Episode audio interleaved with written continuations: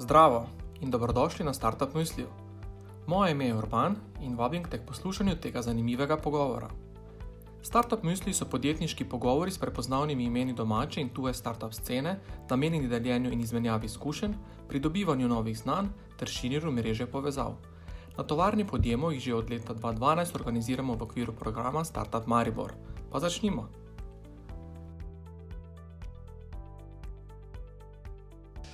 Mojim nasmejanim gostom, uh, Primož uh, Čipolo, Primož Zelenšek, uh, soustanovitelj in direktor Čipola. Uh, letos so v Las Vegasu praznovali deseto obletnico.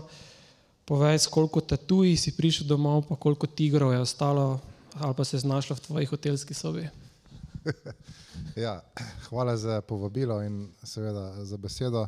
Ja, res je, letos smo praznovali že desetletnico podjetja, uh, k sreči ali pa nežalost se, uh, se vsega spomnim, tako da ni bilo nekih težav s tatuji, pa z razno raznimi tigri, ampak ja, mogoče pa kakšna druga stvar ali kakšna druga žvat v igri. Gotovo je bil uh, vsakakšno jutro kakšen maček prisoten v vaši ekipi, ne? Uh, prav poseben Las Vegaški maček, ampak mogoče šalo mogo na stran. Uh, Um, deset let uh, je v bistvu kar dolgo obdobje.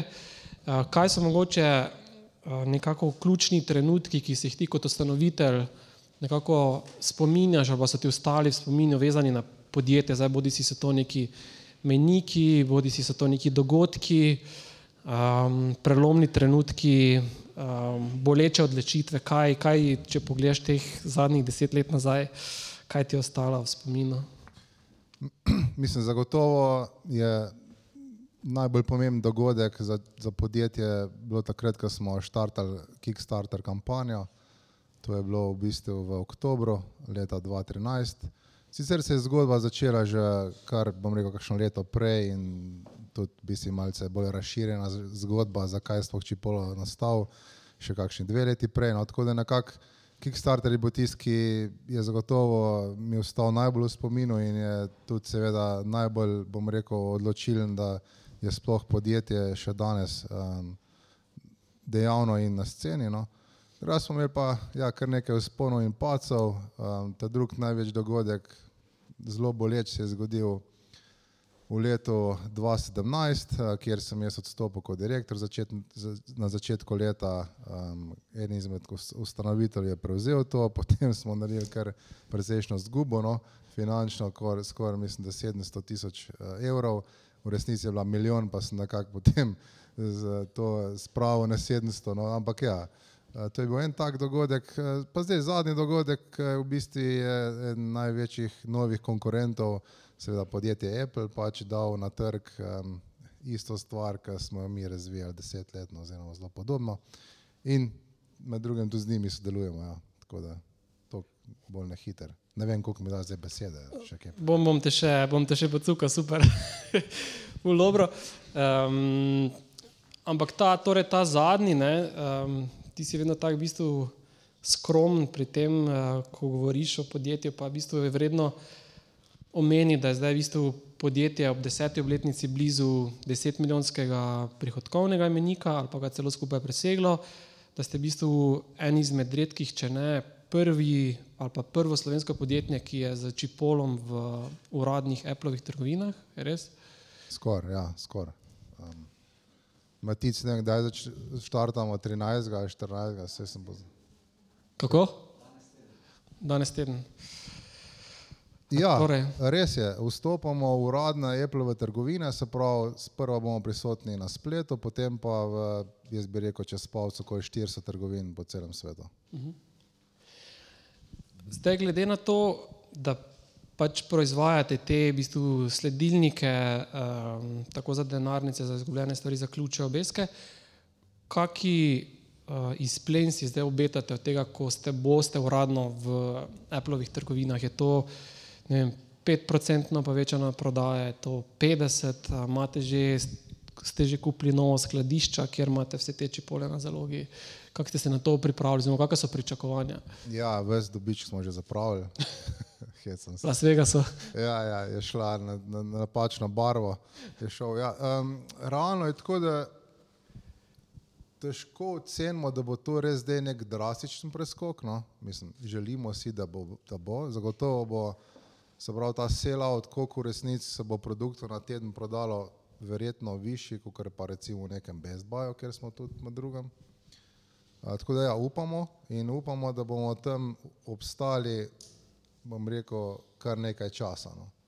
Um, kaj ti pot je bila kar dolga in bom rekel, kar velike energije je za to bilo potrebno. Uh, tako da ja, zdaj pa težko ocenim, zagotovo to ne bo tako veliko vplivalo, ker na koncu dneva je to samo 400 trgovin. Um, čez pauzi bi lahko rekel, da bo to dodal nekje pol milijona do slabega milijona recimo v prodaji. No. Tako da za letos je planirana rast nekje, mislim, da 17%, nekje na 8,8 milijona, to je samo na slovenski firm, no, potem imamo še ameriško, tako da ja, mislim, da smo bili že lani tam nek zelo blizu 10 milijonom, ampak ja, zdaj, če boste pogledali na iPS, um, ni, nismo še čist tam. V dolarjih ste skoraj zihar tam. Ne? Ja, v dolarjih zdaj odvisno, koliko tečaj za njiha. Cool. Um, mogoče samo še, še zadnji, zadnje pod vprašanje v tem uvodnem delu. Um, kaj konkretno pomeni sploh v bistvu prid v, v, v, v Apple trgovine? Kak je to postopek, koliko to je neke birokracije? Rekel si, da to dolgo trajalo, kaj je to, ne vem, dve leti, tri leta. Um, je tim Cook obiskal trbovlje, kako v bistvu prideš sploh v uh, Apple, tako malo konkretno, ne vem, kaj ti je v tem procesu ostalo. Um, Ja, pač greš parkrat tam v Kupertino, pa pol hodiš okoli, um, se pravi njihova headquartera, pa občuduješ, pa v bistvu nikoli sploh ne stopiš čez. Ne. Tudi pol, ko si partner, to v resnici ni možen. Uh, tako da ja, če že greš tja na sestanek, priješ v neko drugo stavbo, no. ampak ja, pač vse jim piše Apple tam na vratih.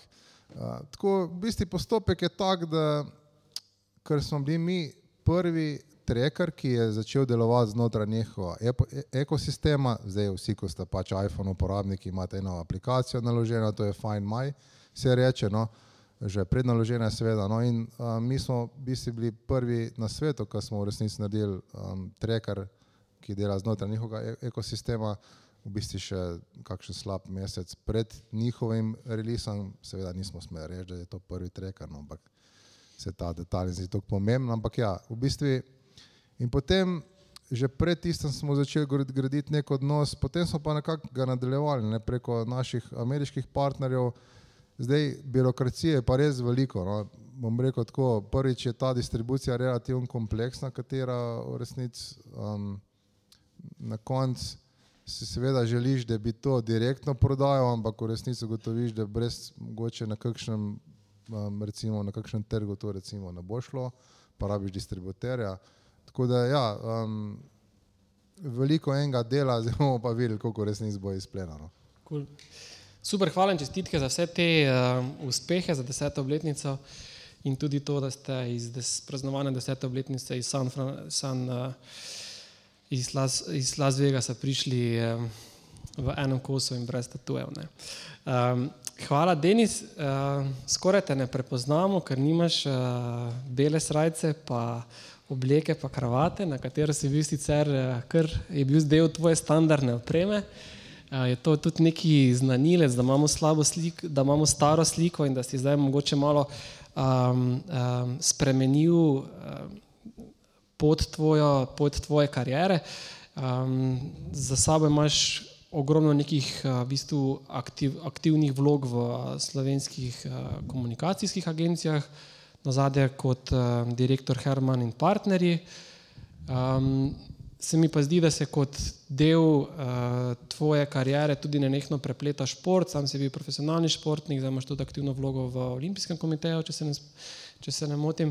Um, mogoče malo več o tej tvoji profesionalni poti, da te spoznamo, pa tudi tem prepletanju uh, športa čez tvoje, čez tvoje življenje.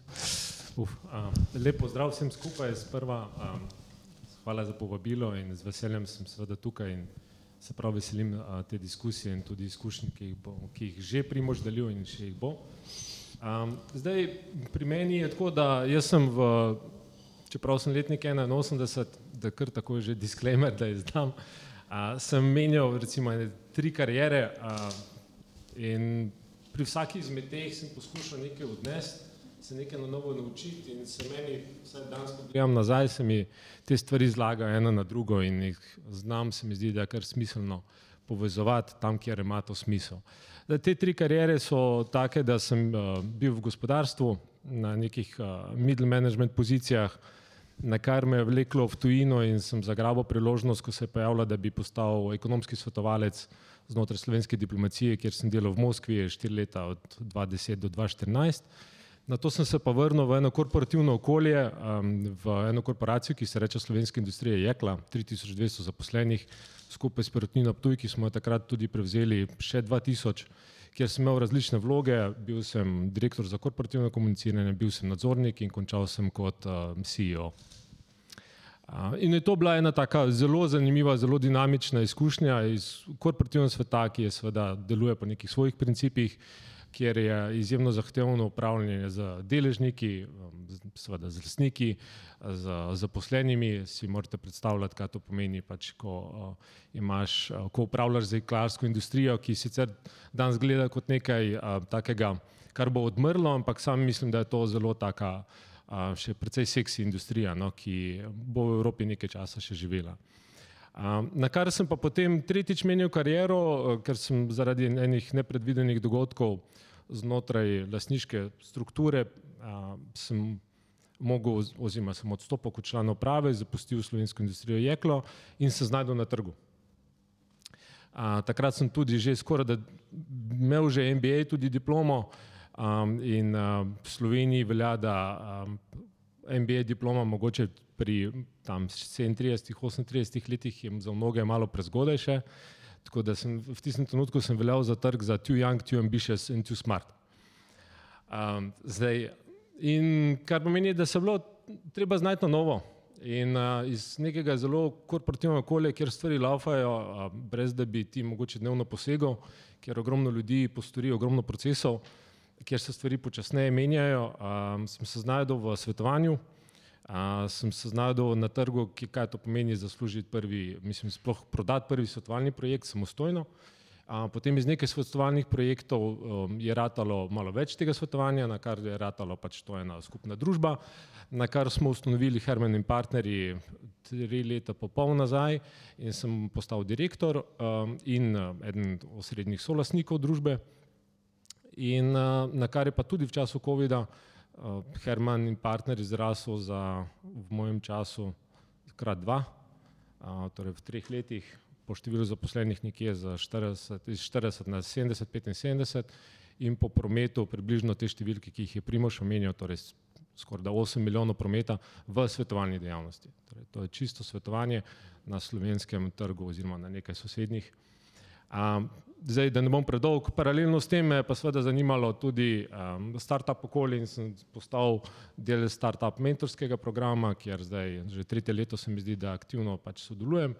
Um, zdaj sem pa ravno spet pred, pred par meseci izstopil iz Herman Partnerji, prodajam svoj delež obstoječim partnerjem, sem tudi odstopil kot direktor in bom pravzaprav nadaljeval podjetniški pot um, v nekaj več merih, ampak o tem več kasneje. Za šport mogoče malo v nadaljevanju. Ok, cool. Um, mogoče samo um, to pa se nisem pozanimal uh, pa pogooglal, odkot uh, točno izhajaš, tako po, po naglasu sodeč si tu nekje blizu ali pa malo bolj na vzhod. Uh, jaz sem rojen v Belorusiji. Z, v Slovenijo sem prišel leta 1991 v Maribor, tako da mi je to mesto zelo ljubo in poznano, um, kjer sem živel potem z družino deset let, na kar smo pač postali ljubljančani. No. Okay. Super in čestitke, da dobro skrivaš ta ljubljanski naglas. Hvala lepa za to. ampak, ampak imam probleme tako v Ljubljani kot, kot v Mariboru. Kje imaš večje probleme, hitro? ne, se. Šala, ne, jih nimam. Hecam se. Super, Denis, hvala uh, tudi tebi, da si, si vzel čas, da si tukaj, um, dobrodošel med nami um, in uh, super, da, te, da si tudi aktiven v, v, v startup ekosistemu, uh, kjer so povratne informacije startupu samo uh, uh, pozitivne, enako tudi za Primoža, ki je way tudi kot aktiven mentor.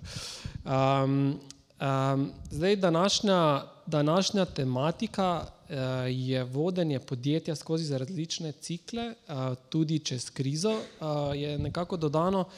Um, in se bomo pogovarjali, v bistvu, ne, ne vem, če polo deset let, uh, Denis je tudi kar nekaj, ne, uh, too young, too ambitious, too smart, ne, uh, nekaj desetletij že je na trgu. Um, in skozi svojo, skozi, skozi svoje udejstvovanje ima super občutek in uh, je začutil ta neka krize, uh, spremenjene okoliščine in to bo, današ, to bo nekako današnja, današnja tematika, v kateri bomo v bistvu klepetali.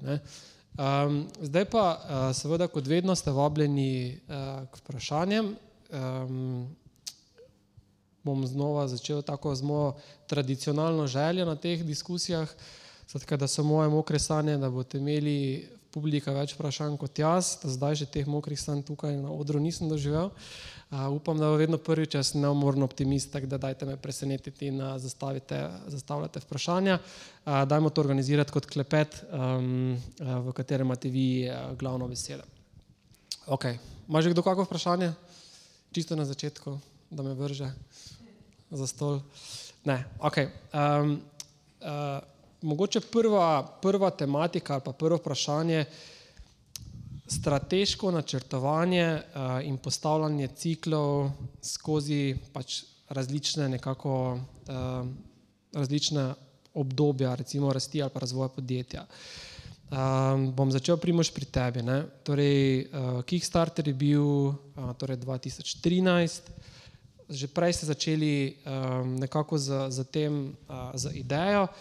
Zdaj, kako uh, si ti, dva, če se spomniš, 2013 v bistvu videl razvoj podjetja, svojega podjetja. Um, in zdaj, če se postaviš nazaj, v katerih predpostavkah ali pa načrtih si mogoče zadev, pa v katerih si zgrešil napovedi, kje boste 2023, pa mogoče čez neko retrospektivo znaš argumentirati, zakaj do teh odstopanj prišlo. Mislim, če si iskreno, takrat tudi slučajno nismo razmišljali, kje bomo čez deset let. Ne? Tako kot danes, če si iskreno rečen, nimam pojma, kje bom se pravi 2034. A, tako da šlo je zelo, tako, zelo naravno. No? Jaz mislim, da si noben ni upal takrat predstavljati, da bomo mi v bistvu pobrali za skoraj 300 tisoč dolarjev prednaročil. To je bilo nepredstavljivo. Um, v 25 dneh, brez praktično skoraj, mislim, relativno malo marketinškega znanja in tudi zelo malo marketinškega vložka. No. Uh, danes je to na Kickstarterju zagotovo malo drugače. Um, takrat v bistvu smo pač štartali to idejo in smo seveda upali, da, da nam bo nekako, da bomo nekako uspešni. Ne. Um, in ja, ta uspeh je prišel zdaj, da bi takrat zbrali 150, da bi zbrali pol milijona, po mojem, bistveno velika razlika ne bi bilo. Ker v bistvu v prvih parih letih, se pravi 2014, 2015, 2016, smo se bolj ukvarjali sami s sabo in kako ta produkt čim bolj dejansko zboljšati, no? ne pa to, kako v resnici bomo to dejansko prodali, ker se je prodajalo sam posebno. Če bi vedeli, kako, kako se tega pravilno lotiti, če bi bile zadeve, če bi v bistvu imeli veliko več znanja, mogoče tudi kapitala, bi sem prepričan, da krat prodali še bistveno več, kot v bistvu smo. No. Uh, tako da ta, ta prvi preskok se je dejansko zgodil potem konc 2016, kjer smo bili že praktično na 4 milijonih in um, se je začutili, da je treba se nekam premakniti no, in smo potem kar dosti sredstva namenili rekel, nekam, nekem dodatku, bom rekel, tej storitvi. No? In nekako smo poskušali v ta B2B segment, um, kjer bi prodajali se pravi našo aplikacijo in pa produkte um, partnerjem, se pravi, da uporabljajo um, to na tak način, da integrirajo našo tehnologijo v nepovezljive so prav naprave, kot so recimo torbice, denarnice in tako naprej. In jim potem dostavljali pač neke, bom rekel, informacije, tako kot recimo Google, Google Analytica, ampak da bi tukaj bila v bistvu neka čipolo analitika z, z, in bi ti povedala, kako resnici sploh ljudje uporabljajo to vrstne um, prej nepovezljive se pravi, um, stvari. Ne? No, in tisti je bil kar tak velik fail. Tako da strateško se v bistvu čez dalje bolj, čez dalje več se v bistvu s to strategijo dejansko ukvarjamo in ja, to je en izmed ključnih zadev. No. Seveda pa veliko krat še danes v bistvu ne vemo, kaj je najbolj pravilno. Mm, Sam še tole bi dodal, zdaj verjetno si začutil, da ni bilo nekih zelo jasnih ciljev, tako da je težko naredim neko primerjavo, ampak ja, um, sem zelo zadovoljen, kako smo v bistvu prišli do tega, ker smo se na tej poti ogromno naučili. No. Denis, si ti želel kaj uh, dodati, komentirati? Ne, ne, jaz samo čakam na vprašanje. Aha, ok, ok. okay. sem Se mi re- zdelo, da si tako po, uh, pogumno pograbil mikrofon, da boš kaj uh, primož zastavil. Um, vseeno, pa, vseeno me pa to, um, mislim, kar zanima, zato ker še eno podprašanje. Pač, in vi izdelujete hardverski produkt, ki, ga, ki je druga, ki ima drugačno zahtevnost kot pa recimo storitev uh, ali pa software.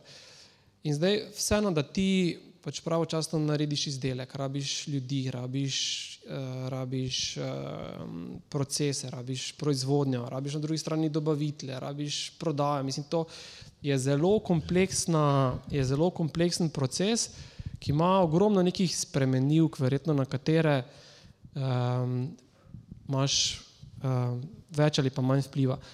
Moje vprašanje je, ali imaš ti občutek, da obvladuješ svoje podjetje uh, in nekako poslovanje, pa vse ključne stebre svojega poslovanja, ali imaš tako občutek, da je to zdaj že neki tanker, ki pač zdaj gre v neki smeri in da se pač stvari že nekako poštimajo, ampak da nimaš vseh stvari pod kontrolo, stoprocentno.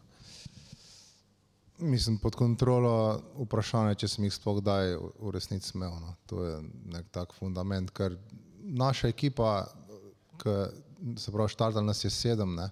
in v določene segmente v bistvu se jaz nikoli nisem dejansko spuščal in zdaj je res poskušal pač najti neke protiargumente za stvari, katere mogoče sploh dobro ne razumem. Uh, tako da ja, mm, zdaj če bi, kaj bi še tukaj dejansko lahko dodal? No? Mm, Seveda v posameznih ob, obdobjih so ene, bom rekel, strateška vprašanja bolj pomembna, določena mogoče malo manj, no. uh, ampak se pravi, stvar je bila zelo, zelo naravno, kako se je dejansko razvila. No. Uh, tako da Skratka, ravno ta postopnost, da niste tudi delali nekih nepremišljenih, mislim, delali ste nekaj pa manj premišljene korake, ne, ki so vas stali, ne, kot sem si prepovedal, nekaj denarja, ampak vseeno so bili ti koraki toliko premišljeni, da vas niso v bistvu stali uh, glave v narekovajih oziroma pač čisto potopa. Ne. Skratka, vi ste skozi, skozi postopno rast, ste se učili, sprejemali odločitve, korigirali smer in ne, eh, nikoli niste zajadrali ali pa tako skrenili, da bi vas to pokopalo.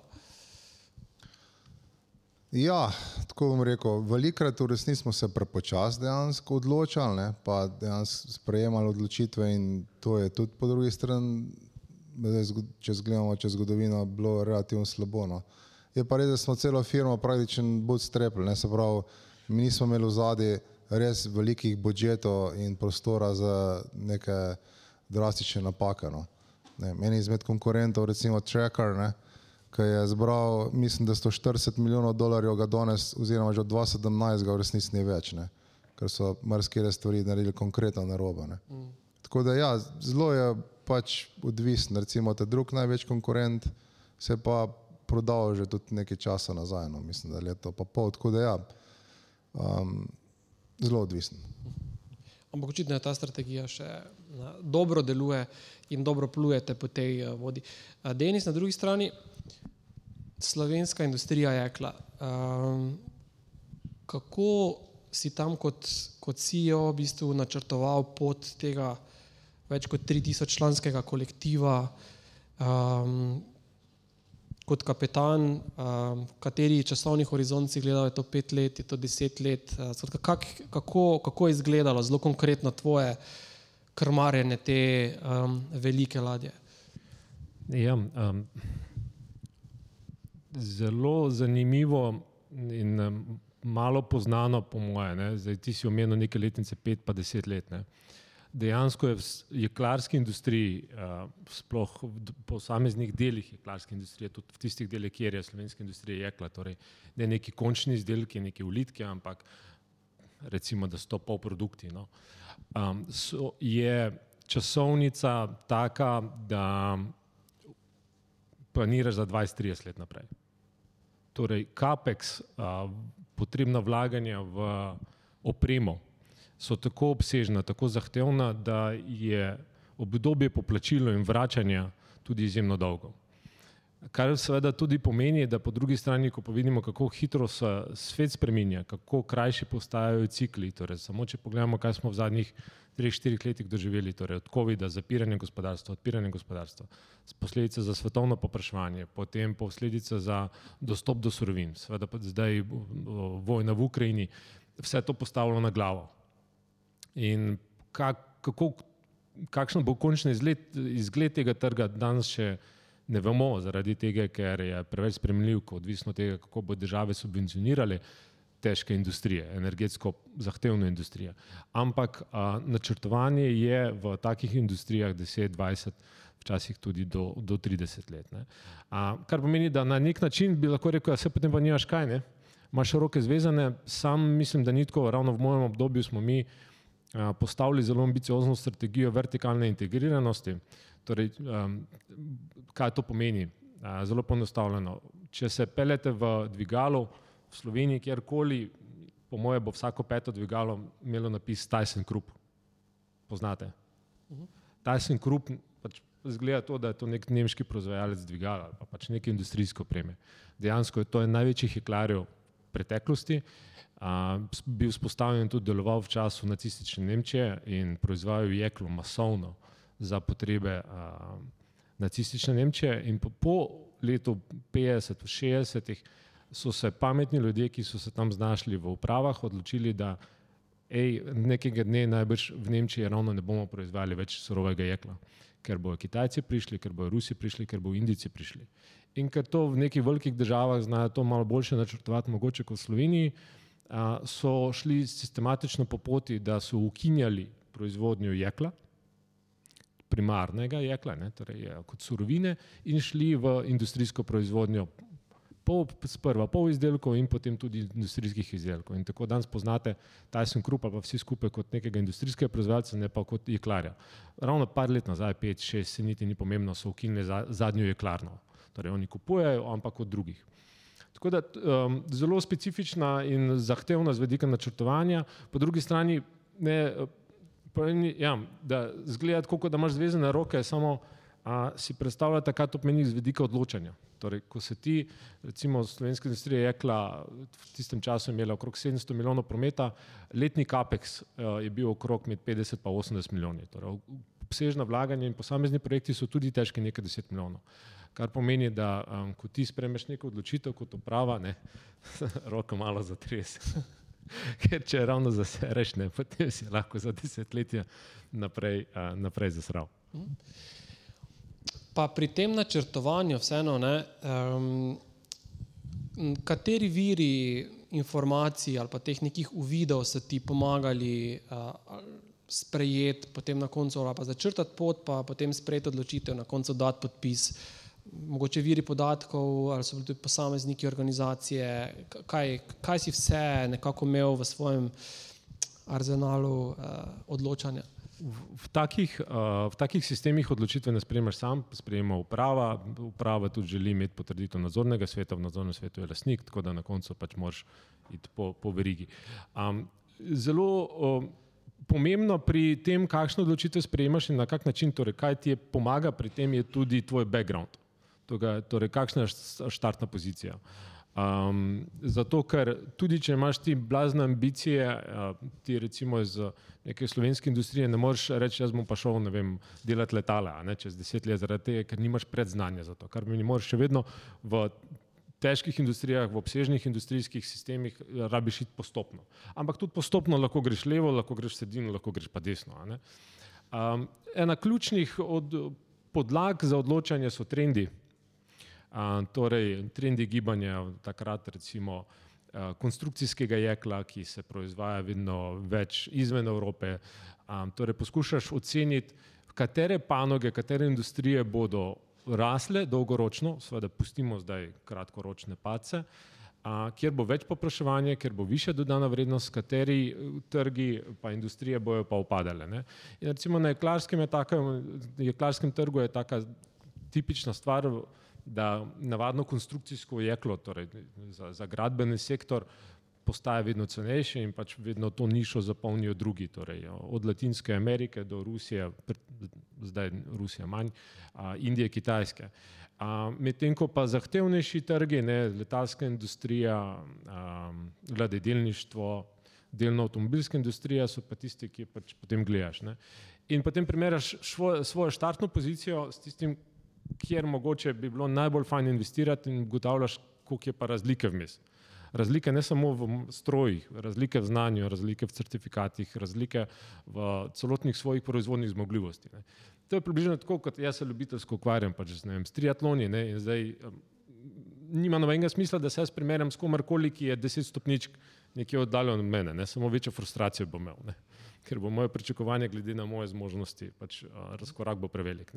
Ja, zdaj, pri takih odločitvah pa gledaš tisto, kar je dosegljivo v nekaj letih, z nekaj, z nekaj vlaganj, ki so obsežna, ki se bojo vračala, kot, kot sem prej rekel, 10, 20, 30 let, a, ampak pri tem so ti še vedno pomembna ta štartna pozicija. Mhm.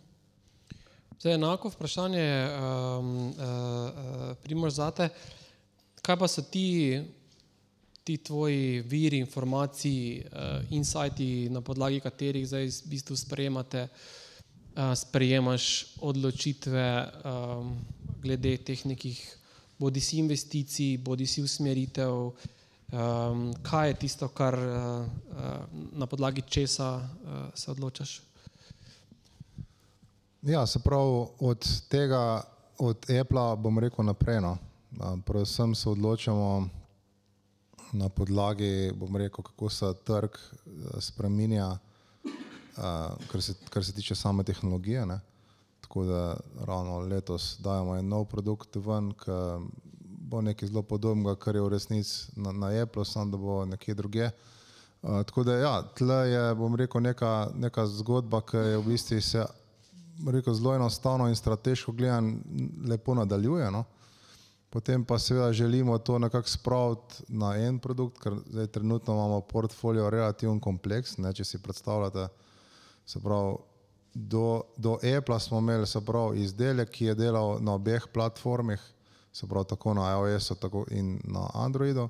Potem pa kar naenkrat prišel zraven, se pravi še en produkt, ki dela samo znotraj Apple-ga ekosistema in na naši aplikaciji ne deluje to je relativno komplicirano, v bistvu komplicirana pozicija. No? Zdaj dodajamo še nekaj, kar bo še mičken bolj zakomplicirali in potem poskušamo to nekako nazaj združiti. Potem je pa, če pogledamo, se pravi, Apple je dodal nam ravno tisto, kar smo se trudili mogoče pred deset let, se pravi ta community search, um, bom rekel moment, ki pomeni, da zdaj, če jaz tukaj pozabim denarnico, se bo v parih minutih lokacija te denarnice sigurno posodobila, kljub tem, da je pač denarnica vredna še kar na isti lokaciji. Ne? Zato, ker je nek, en drug uporabnik pač prečkal oziroma šel mim uh, te denarnice in to v mestih zelo dobro funkcionira. Ne? In to je neke vrste alternativa, se pravi GPS sledilnikom. Um, no in potem, ko pogledamo, aha, zdaj imamo pa to moč, ne se pravi alternativo GPS sledilnikom brez nekega subscriptiona, to pa pomeni, da lahko mogoče kategorije, ki prej mogoče niso bile dosegljive te tehnologije, kot je recimo vem, sledilnik za kolesa um, ali pa nekaj za, za kovček, kamor pač seveda potujemo in kovček na določene trenutke rekel, pustimo nekje, neki drugi inštituciji oziroma um, podjetju, da ga, sta, da ga upravlja in ga premakne iz ene lokacije na, na, na drugo. No? Tako da v bistvu ta sledilnik je lahko potem neke vrste bom rekel, ti da ta peace of mind, ne se pravi, um, pomirenosti, da imaš še kar pod kontrolo, če ga pa slučajno zgubijo, priješ pa tam na Lost Fund, pa pokažeš, da v resnici veš, da je to na neki lokaciji um, in je tista lokacija zelo natančna. No. Pravi, ta del zdaj nam je veliko bolj enostavno na nek način, tako da je zelo jasna strategija, kako se bo produktni del razvijal. Imamo pa že vse čas v bistvu največ problem, v bistvu, kako povečati sell-out, se pravi, samih produktov znotraj trgovine. Ne. Spletna stran je, se pravi, spletna prodaja relativno veliko bolj preprosta, no, ker je targetirati, se pravi, kupca bistveno lažji, v, v samem retailerju je pa, retail, se pravi, v samih retail trgovinih je pa ta moment, če brand ni dovolj močan oziroma kategorija ni dosti poznana ali pa v resnici res pač um, imaš mogoče boljšo pozicijo na, v sami trgovini, vem, ta prezentacijski, bom rekel, moment post displeja je toliko boljši, da, da lahko nasloviš kupca, no. Ta del strate, strategije imamo pa že vse čas v bistvu problem in um, ja, upam, da, da ga bomo uspeli v resnici rešiti. No. Uh -huh, uh -huh. Vseeno, torej, tehnološki trendi so, ko, gledaš, ko rečeš tehnološki trendi, so to predvsem ti največji tehnološki giganti, ki narekujejo trende, torej ne vem, Apple, pa kdo so še, recimo, koga še vi gledate, ok, Apple očitno, itak, ker ste del njihovega ekosistema, um, kdo še, recimo, neko, nekdo, ki vam da taki zelo jasen indic ali pa smer, uh, kam. kam, kam ja, um, mislim, imamo kar nekaj teh podjetij, s katerim poskušamo, bom rekel, bolj razumeti različno tehnologijo, ki je za naše produkte zanimiva. Ne. Bom dal primer, recimo Ultra Wideband. Ne. Apple v RTG ima en dodaten čip, ki ti v bistvu omogoča, da ti zmeriš razdaljo. Zdaj, če bi jaz tukaj sedel, pa imel RTG tam, da bi zelo natančno lahko videl, koliko metrov je oddaljen. Uh -huh. Tega mi nimamo, kaj ti težava je, da prvič Apple še ni odprl resnic znotraj aplikacije te funkcionalnosti. Te druge pa, da je strošek v bistvu tehnologije zelo na takim, enostavno je predrag in če to mi v bistvu integriramo, potem ta MSRP, se pravi končna cena, ne preživi se samega trga. No. Tako da je tukaj kar nekaj izzivov. Seveda vidim jaz močen moment, da bi pač produkti potrebovali neko alternativno napajanje, ne? se pravi, mora produkt delati bistveno daljše obdobje, ne vem, mogoče se polni preko sonca in tako naprej in to mora res izgledati super, tako da je dejansko ta del. Uh, tako da ja, seveda pač konstantno spremljamo, kaj je za naš, recimo za, za naš uh, bodoč portfolio produktov zanimiv. Uh, seveda pač tudi malo pogledaš na okolje, kaj drugi počnejo.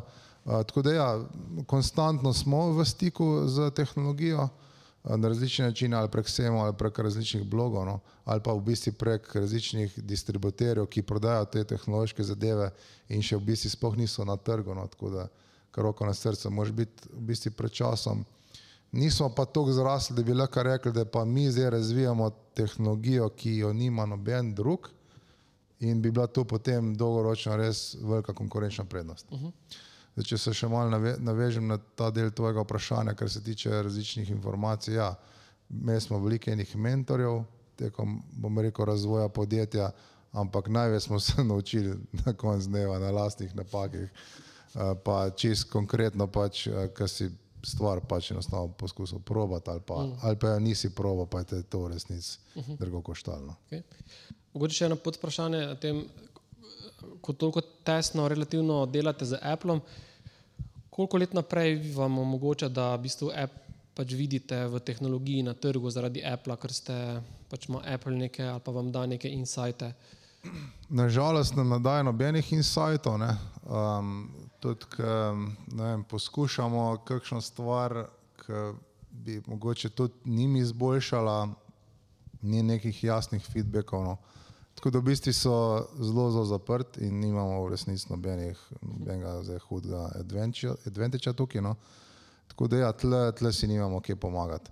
Um, mislimo pa, da če smo bi, mi bili crka deset let na trgu, bo sigurno že do danes, ne, bo še ta kategorija rabla, jaz ocenujem deset let da sploh v bistvu pride v podzavest ljudi, pa še mogoče deset let v resnici premalo, da bo rekla, aha, če je umazano po tleh, kaj vzamem, a metlo, sesavc, pač nekaj vzamem. Ne. Zdaj, če jaz zgubljam stvari, pač obstaja tudi produkt za to. No. Mm. Zdaj, še nismo, ja. Okay, okay. Super.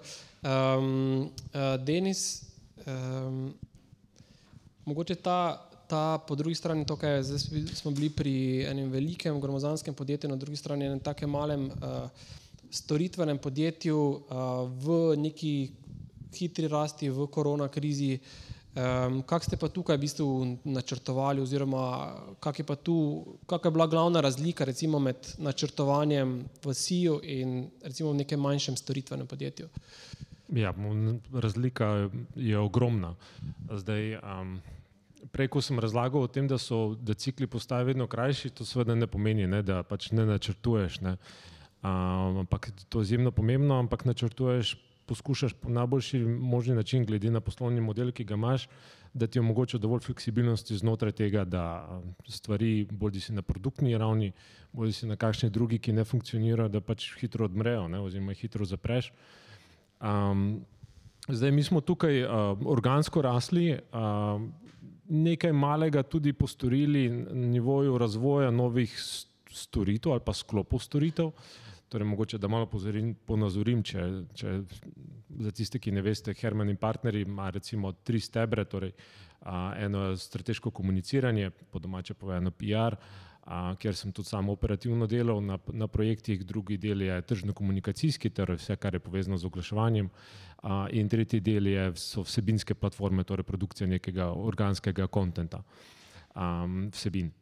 In uh, kar smo ugotavljali, je pač, da tudi COVID čas, čeprav je bil izjemno zahteven, je prinesel nekaj, uh, nekaj priložnosti. Če si bil dovolj hiter, uh, si jih uspel skupaj z naročnikom, ki ga dobro poznaš, običajno in ki dobro pozna tebe, um, neke priložnosti realizirati in potem iz tega zgraditi mogoče čist novi steber poslovanja. Um, drugače pa sploh v času COVID-a je to, pač poskušaš kaj narediti, ne, kore ekipo zadržati, a, maksimalno vitalnost ohraniti in maksimalno podpirati naročnike. In če si pri tem dober, potem pač rasteš. A, tako da največ izzivov smo imeli s tem, kako talente pridobiti, ohraniti in kako naprej še pridobivati. Z, zato, ker talenti iz te kreativne industrije žal odhajajo, dosti tudi na področju recimo start-upov, predvsem uspešnejših, globalno uspešnih in um, imajo agencije tukaj vedno večji izziv pri tem, kako jih zadržati in kako razvijati. Tako da sploh storitveni dejavnost seveda ne, ključno je tukaj, ljudje so tvoj eset, um, ostala, čeprav torej govorimo o podjetju po prometu, podobno kot primožev, um, je tukaj uh, bilanca podjetja zelo lahka, torej računalniki pa, pa nekaj malega pohištva. Ne. Uh, vse ostalo je, je, je tukaj, ne, torej v glavi za tiste, ki bojo poslušali. Uh -huh, uh -huh. Um, pa ti, um, ti talenti, mogoče primoš pri tebi, je ta ohranjanje, motiviranje, vzgajanje talentov um, po prioriteti strateškega pomena zelo visoko ali nekje v sredini. Kaj bi rekel, če zdaj v bistvu razvrščaš uh, ključne stebre nekega dolgoročnega ali pa srednjeročnega razvoja, um, kaj, kaj bi recimo umestil v te stebre? Eno gotovo talent, ne, ki ga že Denis omenil. Mislim, ta je, ta je ključen. Ne. Zdaj, ugotovili smo v resnici, da, da nekako najraje vidimo, če prihajajo k nam se pravi, um, naši novi zaposleni, ki so relativno mladi, oziroma ja, pač, mogoče da je že prej upravljal kakšno drugo delo, ali pa tudi ne. Predvsem je najbolj ključna ta kapaciteta razmišljanja in pa hitrost učenja, kar s tem se da, jaz mislim, da nadomestiti um, večina, bom rekel, teh, um, seveda ne vseh izkušenj, ampak to, to je kar dober kompenzacijski moment. No. Um, in potem, če je tukaj znotraj podjetja nekakšen mentor, ki zna tist, tisti manjko nadomestiti ali pa jih spodbuditi v resnici ali pa jih informirati, potem je to v bistvu eden najmočnejših, bom rekel, orožij, katerega danes lahko mašno. Uh, kajti smo se že kar parkrat upekli, recimo, ker smo upali, da bojo mogoče, ne vem, um, senior prodajalci ali pa tisti, ki mislijo, da so, bom rekel, že bolj izkušeni, ne, um, naredili večji preskok ali pa recimo določeni programeri, um, ki bojo naredili podobno, podobno pač nek večji preskok in recimo v proizvodnem momentu je tukaj mogoče vse malo malo drugačno. Ta raznolikost pri nas je kar presešna, tako da za, za vsak segment je malo drugač. Je pa res, da smo v okolju, ki je relativno um, majhen iz tega vidika, da je pač bazen kadrov avtomatsko, mislim, je pač majhen. No? In um, smo vse čas v bistvu se soočali s to neko težavico, kako pridobiti, bom, bom rekel, mogoče pač, ja, ne samo um, rekel, več talentov, ampak nasplošno se pravi dovolj zaposlenih za, za naše podjetje, zato smo tudi pa kasneje odpirali različna, se pravi, druge možnosti, kot je Ljubljanska pisarna, pa zdaj med drugim imamo recimo tudi uh, pisarno v, v Krškem.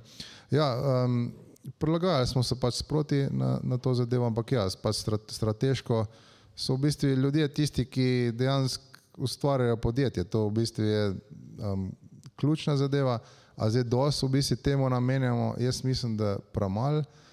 Um, vedno je ta iz, čas izgovor, je pa res, da določeni niso v resnici tako odprti za spremembe. No. Če zdaj segmentiram pač ljudi, aha, so ljudje, ki so odprti za spremembe, so ljudje pa, ki niso. No. Če imaš v tem polu ljudi, potem je vsaka sprememba velika bolečina in je, je potem karkoli boš v resnici naredil eno jalovo delo. No. Tako da, ja, tle imamo kar nekaj težav in to bi si spoh ni starostjo povezano na nek način. Um, ja, bi še kaj tukaj dodal, je po mojem, da ne. Okay. Um, torej, to upravljanje, upravljanje talentov je uh, pri, tem, pri tem načrtovanju uh, zelo, zelo pomembno. Uh, eno vprašanje, um, kratkoročno, pa dolgoročno. Skratka, dolgoroč, kratkoročno so neki sponi in paci. Um, kaj so največji izzivi, recimo, če so sploh izzivi, usklajevanje med nekim dolgoročno vizijo, za katero si se ti zavezal, si tudi investiral, so deležniki, nekako si prepričal deležnike, da je to neka prava smer, pa potem med nekimi kratkoročnimi reakcijami na neke spremenjene razmere. Um, kako tukaj slalomirate, slalomirate med enim in drugim? Uh, mogoče Denis, če ti začneš, pa katero koli, na katero to, koli tvojo izkušnjo uh, se za to vprašanje navezuje. Ja, tu, tu bom kar odgovoril na podlagi te zadnje izkušnje, torej storitvene dejavnosti. Um, to je izjemno težko um, uh, uravnavati in um, zakaj? Zaradi spet tega, ker se zunanje okolje, torej predvsem trg, po domače povedano, se zelo hitro spremenja. Kot, kot sem že prej omenil, ne, gospodarski cikli a, od rasti, recesij a, vplivajo na to, kako pač se trg obnaša, seveda v nekaterih panogah bolj, v nekaterih v drugih manj. In a, to seveda vpliva tudi na, na popraševanje, na, na celotno ekonomiko podjetja, na denarni tok, če želite, na profitabilnost. In je a, medtem ko pa ti za srednje ali pa dolgoročno načrtovanje potrebuješ nekaj stabilnosti in predvsem fokusa. Torej, jaz bi ne, pri, tukaj, pri srednje dolgoročnem je ključno to, da katere vrste aktivnosti, ne samo kaj želiš doseči, pa kaj boš za to potreboval, ampak a, katere vrste aktivnosti nujno potrebuješ, z, jih doseči, zato da boš na koncu prišel, recimo, tja, ko želiš, bodi si rast, bodi si razvoj na produktni ravni ali pa karkoli drugega. Ne. In te vrste aktivnosti, odvisno od načina upravljanja in odvisno od tega, kako dober si v upravljanju, odvisno tudi od usklajenosti zaposlenih, ključnih deležnikov, pa v končni fazi vseh zaposlenih je odvisno, ali boš na dnevni, tedenski in mesečni ravni uspel ta fokus zadržati, kljub operativni obremenjenosti. A se tu, se, upam, upam da, da, da je razumljivo. In zakaj pa na to dnevno obremenjenost vplivajo kratki cikli? Zato, ker če je prej bilo, vsaj spet v določenih panogah, ne, smo videli daljše obdobja, nekaj stabilnosti, gospodarske rasti. Recimo, samo če pogledam po finančni in gospodarski krizi 2008-2009, je potem sledilo neko obdobje sicer postopnega, ampak ukrevanja, ki se je končalo s COVID-om. Torej v desetih letih je, je, smo imeli neko obdobje rasti. Ne.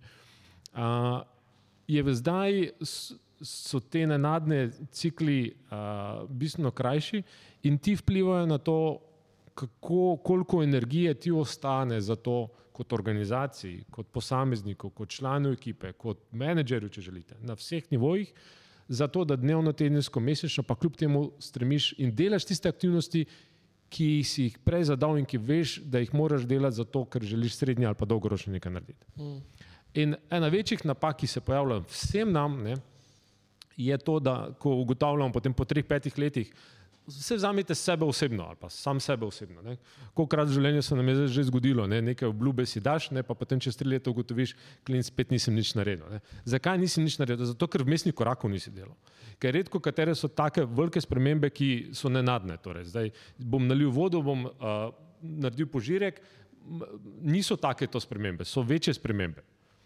In te večje spremembe zahtevajo neke rutine, mogoče ne dnevno, ampak vsaj tedensko, mesečno. In če na te, na te korake nismo pozorni kot, kot lastniki, kot družbeniki, kot um, vodstveni kader, kdorkoli, potem uh, nam tudi te srednje in, in dolgoročni uh, zelo radi uhajajo. Imata uh, primoždeni skake trike, uh, kakšne take zelo enostavne, preproste, mogoče na svete, kako ne zgubiti v tej dnevni operativi teh dolgih ciljev, uh, imate to, ne vem, kje je zapisano, imate ne vem, neke redne tedenske, mesečne kolegije, imate tako kot uh, naš bivši predsednik semafor, uh, uresničevanja ciljev, kako kak v bistvu nenehno učinkovito spreminjate to perspektivo iz ptiče v čisto uh, do trave. Može.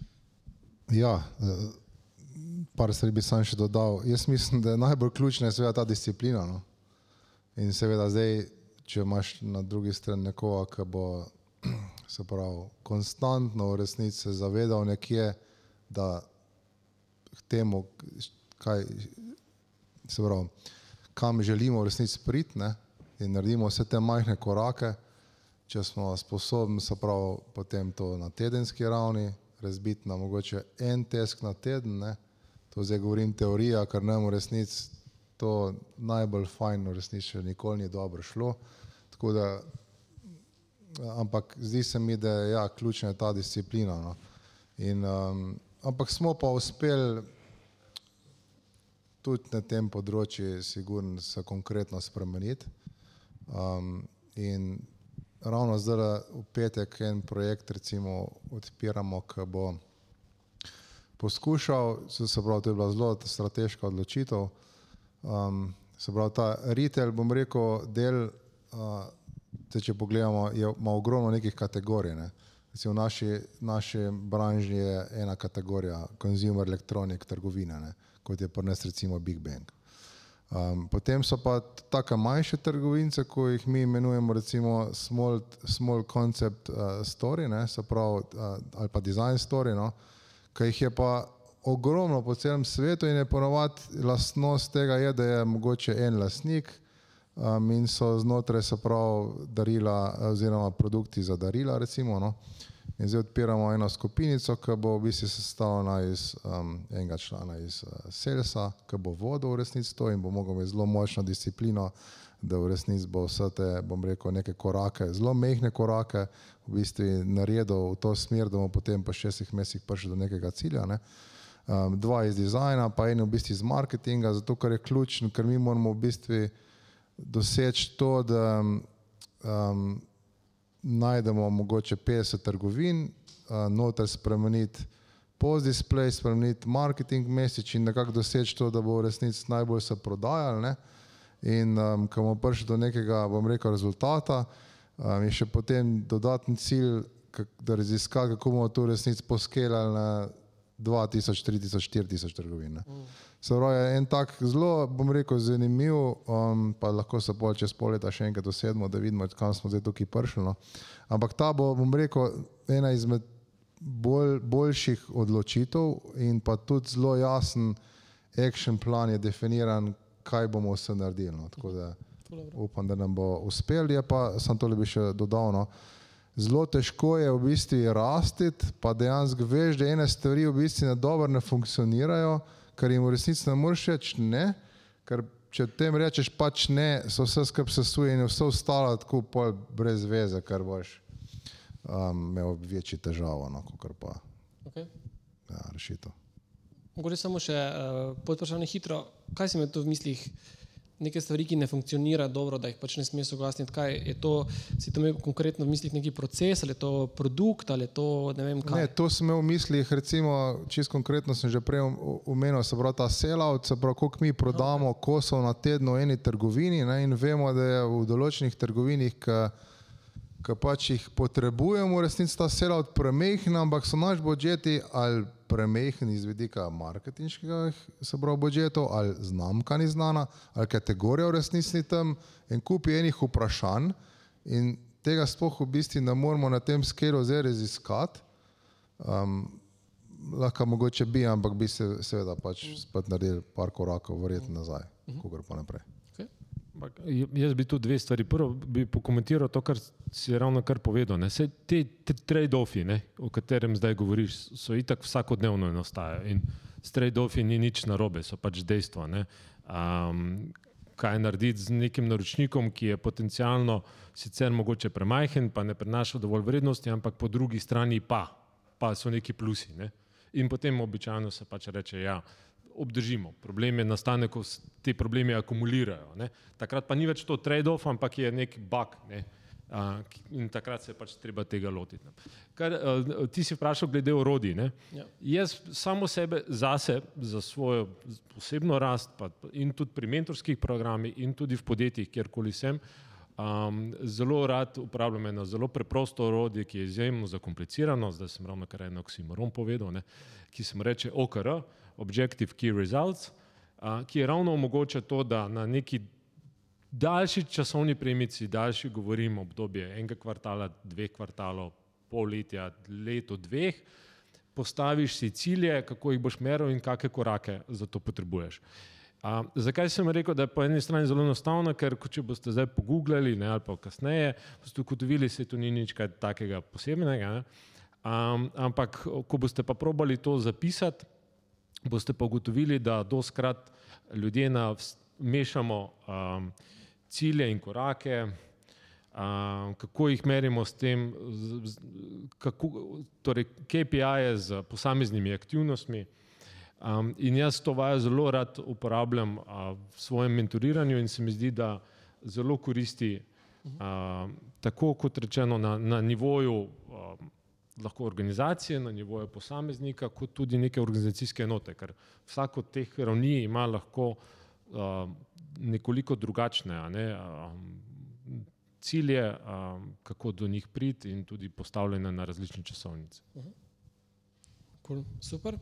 Skratka, OKR. Um, kako vprašanje na tem mestu? Zdaj smo kar že v zadnji tretjini pogovora. Um, pa sem vas spet presenetil. Um, prvič, drugič, tretjič. Ne? Okay. Um, nadaljujemo z. A smem pokomentirati? A, v, na poslovni šoli Bled, ker sem MBA naredil, je dosti teh zahodnih, ameriških, pa kanadskih profesorjev. Ne? In, in ne morejo se vsakič znova se čudijo, kako 40 ljudi v razredu, a, ko se vpraša, ko, mislim, kdo bo kaj spregovoril ali pa kdo bo postavil vprašanje, je v Sloveniji, pa ne, vse celi regiji, ne? vsi gledamo dol. Rekel, in njim se vsem zdi smešno, veste zakaj? Ker v Ameriki pa v Kanadi ljudje tekmujejo, kdo bo lahko kaj vprašal.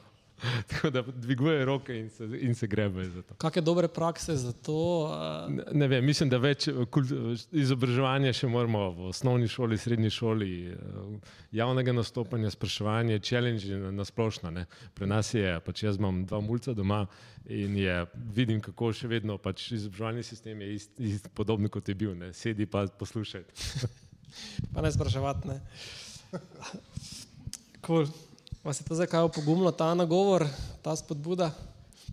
Ne? Okay. Um, mi damo za spodbudo tukaj na šank, uh, poleg vode, še kako drugo stvar. Pa, uh, mogoče moramo še kaj pojačati, tiste promile, da se bo mogoče kako vprašanje porajalo. Um, zdaj pa mogoče se še malo na, na vznoter um, obrnemo, skratka, ekipa smo ugotovili, da je pomembna. Kaj pa zdaj vloga vodje um, in, in komuniciranje čez te, neke, čez te neke cikle? Kakšne so vajne izkušnje, recimo, ne primoš, ti si imel ne, ups and downs, pa tiste avanture, pa, pa slaba obdobja. Zdaj, uh, kje si videl, da je bila tvoja vloga kot vodja najpomembnejša, um, kaj si mogoče naredil dobro, kaj si naredil slabo, kaj bi lahko naredil boljše, uh, kaj si se naučil, čisto tako iz tega komunikacijsko, komunikacijskega vidika, tega leadershipa. Ja, eno stvar smo pa recimo takrat 2017, če se zdaj malo vrnem nazaj, no, um, kjer sem prepustil vodenje podjetja in potem po devetih mesecih prevzel to resnico nazaj. No. Prva stvar, ki smo jo začeli, bom rekel, zelo um, aktivno in še danes je v bistvu nekako um, tukaj v, v veljavi oziroma obstaja, je vrednota in sicer iskrenost. No. Tako da zelo iskren smo se pogovorili, zelo odkrit in uh, tudi zelo transparentno smo takrat naprej pristopali do naših zaposlenih. Se ne da je bilo prej kaj um, res hudo narobe, ampak jaz mislim, da je zdaj ta nivo bistven višji. Um, veliko bolj smo v resnici odkritno in tudi recimo mi imamo na tedenski ravni um, semafor, koliko v bistvu prihodkov ustvarjamo po posameznih uh, oddelkih oziroma po posameznih um, kategorijah uh, prihodkov, bom rekel. To je en izmed indikatorjev, kaj ti takrat smo dali nagrado, letno nagrado, če jih dosežemo, um, se pravi, vezano na te finančne plane, plus na ki, uh, se pravi, te ključne indikatorje, um, ki so potem vezane pravi, na, nek, na razvoj, na, na ocene aplikacij in tako naprej. No. In zdaj, če se vrnem nazaj, se pravi, ja, um, ta semafor, bom rekel, um, pri, prihodkov ki potem se pravi, vsak hiter vid, v bistvu, kje dejansko smo, ali bomo to nagrado dosegli ali bomo, ne, in kaj lahko še ono resnici doprinese, zato da bo v bistvu podjetje pač um, hitreje in uh, prišlo do tega cilja. Ne. Po drugi strani je ta iskrenost na trenutke tudi malo problematična, ne, ker polko, ker pa začneš overkomunicirati, pa imeti ne vem, neke kvartalne keynote, kjer um, se posamezen segment podjetja, ključni od prodaje, marketinga in tako naprej, eh, predstavi in pove, kaj v bistvu počnemo, kam v resnici bomo šli. Um, in potem, ko kakšno stvar kdaj v resnici ne slišijo, oziroma niso čisto informirani, pa tudi v resnici malenkost narobe. No. Da, um, ampak še vsem mislim, da biti pač eh, zelo iskren, jaz nisem še vodil firme z več tisoč zaposlenih in verjamem, da je um, to mal drugače. Uh, od kolektiva do sto zaposlenih bi jaz rekel, da ta model, katerega mi imamo, zelo dobro funkcionira in ta fundament, se mi zdi, iskrenosti, odkritosti mora biti, uh, mora obstajati, ker to je po moja osnova, uh, bom rekel, medčloveških odnosov. No. Uh -huh. Ker če tega v resnici ni, a pol imamo kar velika težava. Uh -huh. Slej, ko prej enkrat se po parih letih se izkaže. Uh -huh, uh -huh. okay. Skratka, to pometanje pod preprogo asimetrija informacij, to na, ne, na dolgi rok ne prenese kaj, karkoli dobrega. Denice. Ja, um, mislim, to, kar je Primož povedal, lahko samo potrdim, ne, ali pa se, se povsem strinjam. Jaz bi tukaj par stvari izpostavil. Kot prvo, zelo zanimivo, um, ena raziskava obstaja, komu ljudje v povprečju najbolj zaupajo. Torej, katere institucije so najbolj zaupanje vredne? Govorim tudi o Sloveniji. Veste, kak je odgovor? Torej, vemo, da je civilna zaščita visoko kot institucija, gasilci so, ampak veste, kdo je nad vsemi temi? Podjetje, v katerem sem zaposlen, sploh če gre za manjše podjetje. To je blazno zanimivo. Torej, v primeru small and medium size ne, podjetij je, ima podjetje samo, predvsem najbrž tudi vodstvo, izjemno že, že vnaprej neko dobro štartno pozicijo, vprašanje pa tem, kaj s to štartno pozicijo naredimo. Tako da ne, to, to velja si zapomniti. Ne. Drugič, kar bi rekel, je, da komunikacija seveda ni samo, da je vedno, post, vedno bolj ključna postaja in da v povprečju na, na nivoju vodstva družbe nas preveč bašajo operativne zadeve, procesne zadeve, mogoče preveč operativne, ki bi se jih dalo delegirati, medtem ko pa a, komunikacije in leadershipa pa težko ti delegiraš, ker vsi gledajo tebe preprosto. Ne? Um, in pomen temu raste, za ozaveščenost tega, pa pravilne pristope, pa mogoče še niti ne. ne. Um, ena taka čisto, torej in zakaj komunikacija ni samo pisna, pa verbalna, ne, ampak je tudi simbolna. Bom kar na eno čisto tako osebno prigodo povedal. Ne. Um, delo v slovenski industriji, jekli sem, uh, sem začel z 1. majem, seveda 1. maj je pač praznik. Ampak ker sem jaz vedel vnaprej, smo imeli usklajeno z lastniki pričakovanja, da eden ključnih stebrov mojega dela bo tudi blaženje odnosov s sindikati. Sindikati so seveda v taki industriji zelo pomembni. Če te oni zaštrajkajo, imaš en kup problemov. Ne? In ko sem razmišljal, kako se ga lotiti, eh, sem rekel zelo enostavno. Na 1. maj, čeprav je praznik, sem se zapeljal na praznovanje 1. maja na sindikalno žurko. In ko so tam ljudje videli, da je prišel nekdo iz Ljubljane, njih tam pozdraviti in bil tam z njimi dve, tri ure, nič posebnega, jaz nisem samo pač bil sem tam, pa stisnil sem 50 rok. Od takrat naprej sem jaz imel vrhunske odnose z, z sindikati. A, ne, in, in s, s takimi majhnimi stvarmi se da. A, pa še ena taka, taka izkušnja, kot ti si vprašal, preglede orodij, pristopov. Um, recimo, sam sem v, v Herman Partners zaznal, ko je prišel COVID, mi smo se, seveda, ne vem, kako ste vi, primož, odreagirali, kakšne so bile potrebe, mi smo šli pač vsi v oddaljeno delo sedem tednov, se mi zdi. In struktura zaposlenih je taka, da seveda eni imajo družine, eni nimajo, um, razmere doma so zelo različne. In po dveh tednih mislim, da je hitro prišla ta informacija, potrebujemo več komunikacije o tem, kje smo, kaj se dogaja, še, uh, motivacijo držati. Jaz sem potem iznajdel en čist nek pač format, ki se mi je zdelo edino pametno narediti ne, in sem naredil nove tedenske uh, petkove maile preprosto a, ki sem jih potem vlekel, mislim, da končalo se je z drugo sezono, pa toliko, pa toliko epizod, ne, torej pač pojmenoval sem jih po serijah preprosto. Glejte, to je meni vzelo vsak petek, kar je času COVID-a, tega daljšega obdobja, dveh let trajalo, mislim, dve pa tri ure. Ker ni tako, da se pač sedeš pa nekaj napišeš, ker če boš glupost napisal, bojo tudi to vsi prebrali, pa še pisno ostane, ne? da moraš vedeti, kaj, kaj napisati. Ne? Uh, in je to zahtevalo dodaten effort, dodaten angažma, ampak je bil feedback zelo pozitiven, torej, uh, ker ni bilo live srečanj, ker ni bilo teh dnevnih srečevanj, ker ni bilo kav, ker ni bilo popodanskih piv, če želite, ali pa, kar, ali pa tudi malo bolj formalnih tedenskih, mesečnih uh, sestankov. Uh, in potem pač treba se znati uh, neke nove formate, ki seveda v eni organizaciji mogoče deluje, v eni ne, enim, uh, enemu vodstvu ustreza, ne, drugemu ne, ampak tu je treba eksperimentirati. Torej, ne sme biti preveč, torej, da mogoče nam kaj ne leži ali pa če se ne znamo, še za me to ni izgovor, da ne poskušaš najti neke uh, nove forme. Uh -huh. Super, zanimivo. Ja, lepo zdrav, uh, jaz sem Petra. Na to, kar se zdaj se mi je zdela, uh, Denis, ja, se mi je zdela ful dobra ideja, se sliši? Ja, ja, ja. Uh, Način, kako si izbral, ne, da pošiljaš melje, samo sem se na razmišljal, če bi lahko malo bolj konkretno povedal. Pa tudi ti primoš, ne, uh, sama ideja, ko si rekel, si iskren, transparenten, ne, način vodenja, ki ga vodimo, deluje. Se lahko malo bolj konkretne metode povejo, ne, ker to se včasih sliši nasploh. Se vem, da je moče težko razložiti, ampak če mogoče še lahko, mogoče na kakšen si imel postopek pošiljanja melju, kaj je bil tvoj namen, da verjetno predvsem, da ohranjaš odnos, ampak verjetno ni bilo glih poslovno, koliko si naredil dobička, kaj. Ne, ne. Če malo bolj konkretno lahko poveš, ja, ja, zdaj, da si lažje predstavljamo. En, gen, en, gener, en generalni odgovor izhaja, da seveda odvisno je tudi od moje osebnosti, tako kot primoževe.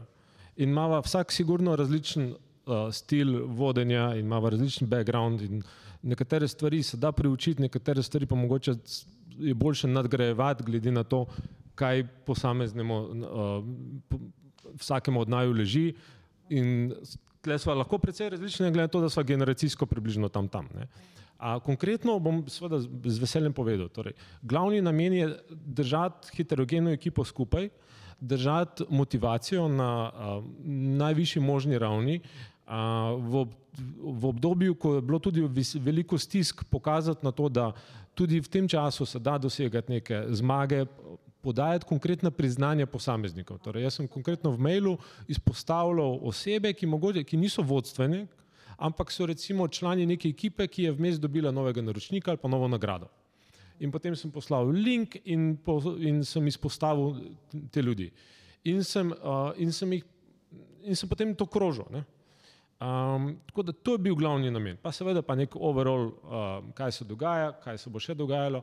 Tukaj niti ni bilo toliko finančnih uh, kazalnikov, to niso ti semafori, katerih je. Uh, Primož govoril, ampak bolj, uh, bolj mehke vsebine. Izzivi, uh, priložnosti, kako jih zagrabiti, kje smo bili dobri, kje smo bili tudi kaj slabi, tudi kak pič zgubiš, torej na tečaj zgubiš, zakaj smo ga zgubili, kaj mogoče lahko naredimo, da ga ne bi zgubili in tako dalje. Super, hvala. hvala. Uh, pa še primaš mogoče. Uh, ja, sej, mislim, pa iskrenosti ni kaj veliko za komplicirati. Ja. Um, pač jaz osebno recimo vem, da imam en kup enih takih razno raznih ferov, ne. Mislim, v mojih skillsih recimo, ne. Ampak mislim, da jih uspem pokompenzirati ravno s tem, da nakažem, da sem v resnici drugačen, kot v resnici sem, ne. Tako da, um, pač, če si pač tak in če si seveda odprt in če se znamo seveda pač pogovoriti na način, da obe strani uh, razumemo, da ti jaz dobro hočem in tudi tu pokažem na tak način, da dobro hočem, le, tole je bilo slabo, tole je bilo pa zelo dobro, ne. Če, če imamo pač tak nek normalno, bom rekel, komunikacijo, ne, z obeh strani ali pa bom rekel iz dela v neki skupinci. Jaz mislim, da je to tisto, kar na koncu mislim, da si vsi želimo. Ne? Sej, um, kamor naš čas mi investiramo, ne? Poskušamo biti pač v, neke, v nekem krogu ljudi, kjer se pač dobro počutiš, kjer v bistvu vidiš, da, da skupinica, ki v bistvu dela na neki stvari, napreduje in potem pridejo pač neki rezultati. Če to v resnici vse obstaja, potem se mi zdi, da je to, to se mi zdi tako nek, neka osnova. No. Um, samo še tole. Ne. Če pogledamo otro, otroci, ne, otroci so veliko bolj pač odprt. Um, na, nas same družba v bistvu izblokuje, da potem včasih seveda ne upamo se kaj povedati, tisto, kar si mislimo, se včasih seveda ni čisto vse čisto primerno, ampak v podjetju pa so ne, neke te teme, ker, kje so v bistvu obe strani nekako um, sigurno um, se soočajo in je po moje tudi take so teme, kjer se lahko mogoče veliko bolj iskreno pogovorimo. Mogoče še to vprašanje. Um, zdaj, vedno več se mi zdi, sploh z novimi generacijami, se komu, uh, uh, zaposlenih ekipe, uh, se komunikacija sledi na, seli na te neke v bistvu elektronske medije, ne vem, sleke, diskorde, več manje neke te osebne komunikacije, več neke pisne elektronske, brez osebne komunikacije. Kako to vidite, kot, vidite kot to neko kot, kot grožnjo te neki iskreni komunikaciji, motivaciji, ohranjanju nekega timskega duha, ki je skozi te neke cikle enormnega pomena ali je to pač neka priložnost, neka sprememba v okolju, ki jo je treba pač anticipirati, se na njo navaditi in jo pač vzeti takšno, kot je. Ja. Um, sam nisem um, velik fan Slacku in, in podobno. Uh, smo, sem že imel izkušnjo, ki na koncu se ni izkazala ravno dobro. Um, jaz mislim, da seveda to je pogojeno tudi z velikostjo organizacije. Ampak recimo, če dokler govorimo o tej velikosti, o kateri primoš premena, torej do sto ljudi, nobene izmed teh orodij uh, žive komunikacije ne bo, ne bo zamenjalo. Um, namreč ne smemo tukaj ene stvari pozabiti. Um, Slack in podobno orodja, ki uh, seveda funkcionirajo po principu družbenih omrežij, ti lahko tam daš 20 všečkov, pa od tistih ogenčkov, ne? ampak možgani bo to dojeli kot tisti, kot oni všeček tam le na Facebooku. Ne? In dobro vemo, da všeček na Facebooku ni enako kot človek na ulici, ki gre protestirati. Ne? To sta dve čisto različni stvari. Um, zato meni uh, se do zdaj, če kolektiv to omogoča, če organizacija to omogoča, um, čim več uh, nekih rednih um, os, osebnih stikov, osebnega feedbacka, uh, biti prisoten, uh, se pogovarjati, ne, skrivati, ne se skrivati nekje. Uh, če pa to ni mogoče, pa narediti neke priložnosti. Ne? Um, Doskrat se ujamemo v to, ja, pa, pa če, če ni bilo priložnosti, ali pa pri nas so pa tako, pa tako procesi. Ne? Pa vse procese si mi sami ustvarjamo. Skratka, Lahko si najdemo priložnosti za to, da ohranimo osebni stik. Um, jaz sem recimo zelo rad med, med, med zaposlenimi, pa čeprav je moja narava, mojega osebnega dela taka, da pač rabim neke zbranosti. Ampak to pomeni, da lahko pa na dan 15-20 minut ali pa celo malo manj ali pa celo ali pa več eh, posvetim temu, da, da grem naokrog uh, in se pogovarjam. Uh, mislim, da ta osebna komunikacija bi vedno bolj prišla v spredje, recimo um, ljudje radi um, spostavljajo odnos tam, kjer vedo, da so cenjeni, tudi tam, kjer jih organizacija razume, kaj hudiče njih motivira. Mi kar avtomatsko mislimo, da nekdo, ki je prišel tam v službo, bo zdaj ekstra motiviran, pa mogoče, čeprav ga niti ne bomo maksimalno, mislim, ne vem, koliko ekstra plačali, pa tudi, če ga bomo, hudiča človeka lahko tisoč drugih stvari motivira. Od tega, da se lahko razvija, do tega, da lahko dela z nekimi timi, da, da želi delati na nekih projektih, ali pa, ali pa ker ima eh, nek hobi, ki je komplementarni. Zdaj, če ni tega stika, tega ti ne moreš pre, preko sleka tega občutka dobiti, posledično ne moreš tudi prilagoditi uh, svojega odnosa in pa, in pa modelov, ki jih pač organizacija vzpostavlja na področju pač kadrov. Ne. Ok, hvala. Uh, ja, jaz bi sem to še dodal. Jaz sem tudi resni zelo velik pristaš dela na sami lokaciji. No. Um, se pravi, mislim, da ta pač COVID je to kar začel malo drastično spremenjati, pa smo zelo hitro v bistvu eh, pristopili na, na ta, bom rekel, nek hibridni model, ampak vseeno mislim, da je ta, um, bom rekel, človeški stik tisti ključen. In tudi, če so večji kolektivi, obstajajo se pravi manjše skupinice znotraj teh kolektivov in tam um, se da v bistvu ustvariti ta nivo komunikacije, ker potem, ko gremo pač po tej mal drevesni strukturi uh, organizacije, ne, uh, um, kako prija v bistvu ta informacija pač med samimi oddelki je tudi nekako, jo je možno v bistvu ustvarjati, sem prepričan. No.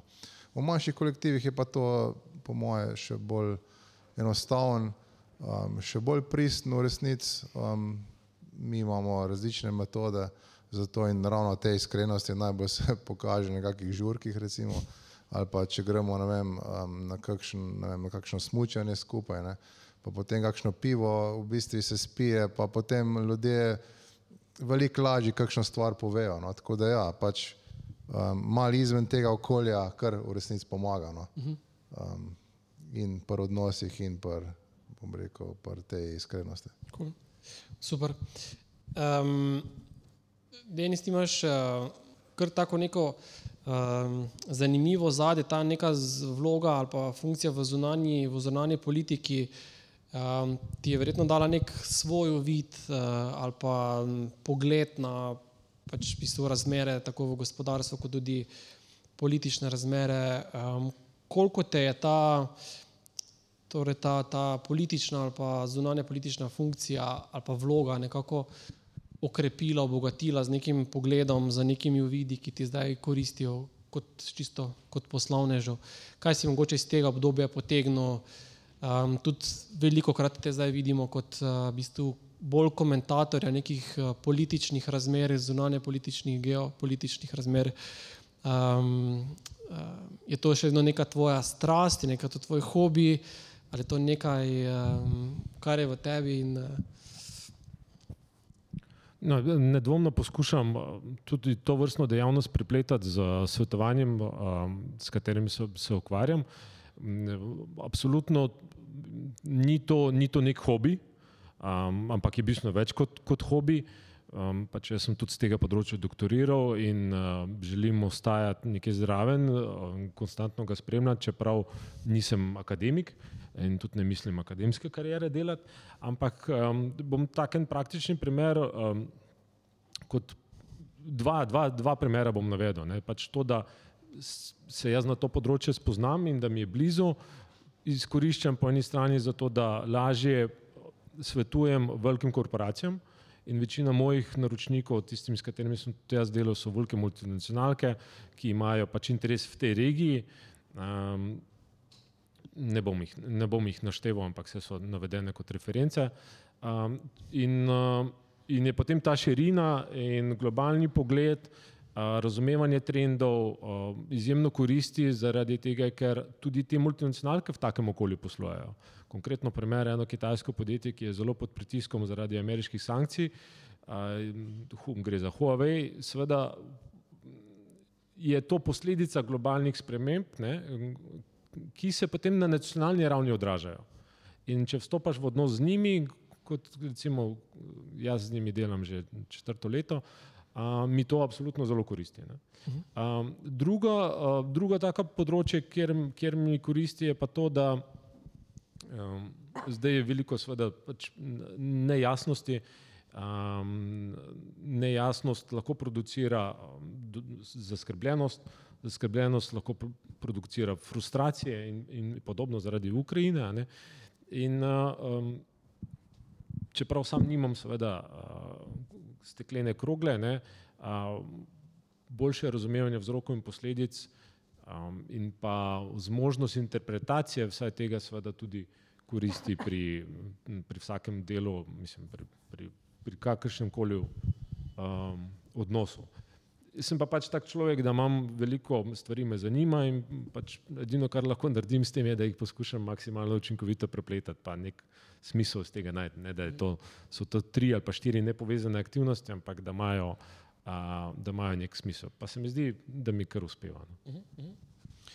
Mogoče, če zdaj um, tej, pri tej negotovosti eh, vseeno še malo ostanemo, kje zdaj ti vidiš neke ključne dogodke ali pa v prihodnosti, kaj se bo po tvojem iz teh evropskega cirkusa uh, in Ukrajine, kaj se bo razpletlo, kaj, kaj mogoče ti zdaj vidiš na vidiku kot neke, ne vem, uh, že mogoče neke jasne dogodke, menike v prihodnosti, ki utegnejo pač seveda vplivati ali pozitivno ali pa negativno na, na, na, na podjetja.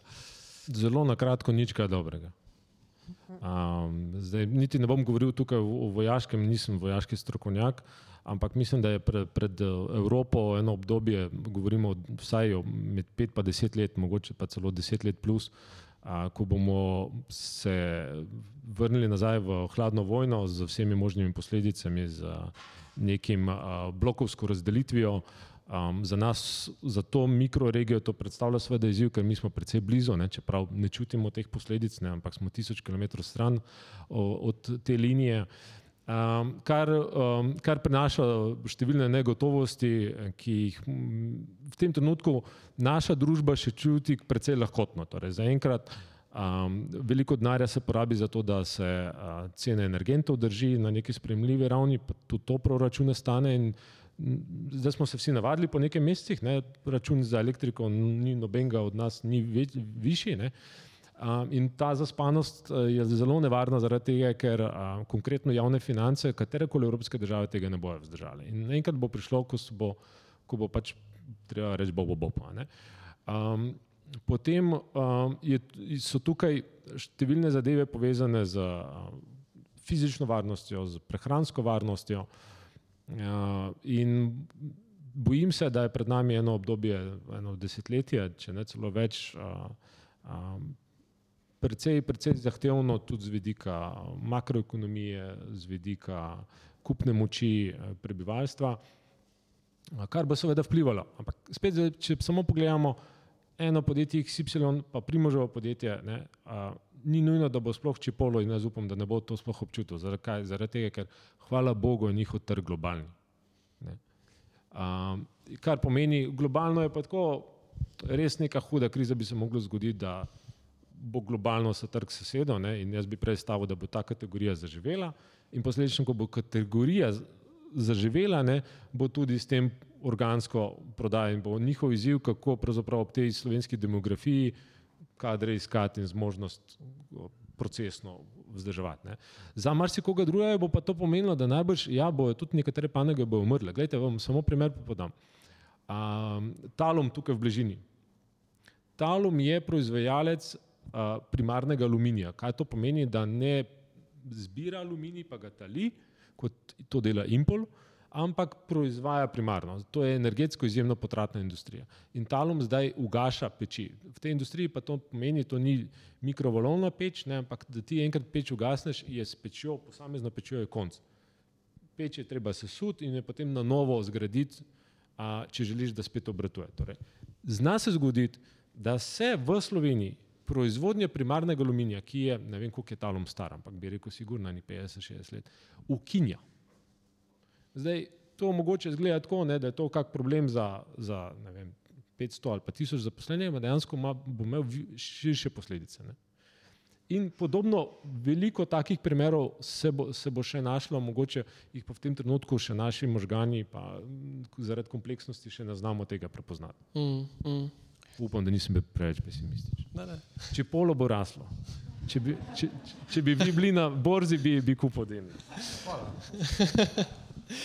Mogoče, če že zdaj um, zaključim, um, zaključim debato v neki uh, um, taki uh, v, v prihodnost usmerjeni, mogoče pozitivni uh, smeri, uh, kaj uh, Primož uh, na kaj staviš v naslednjih desetih letih, eh, da vas bo poneslo v to nekako zastavljenih ciljev, karkoli pač to že je.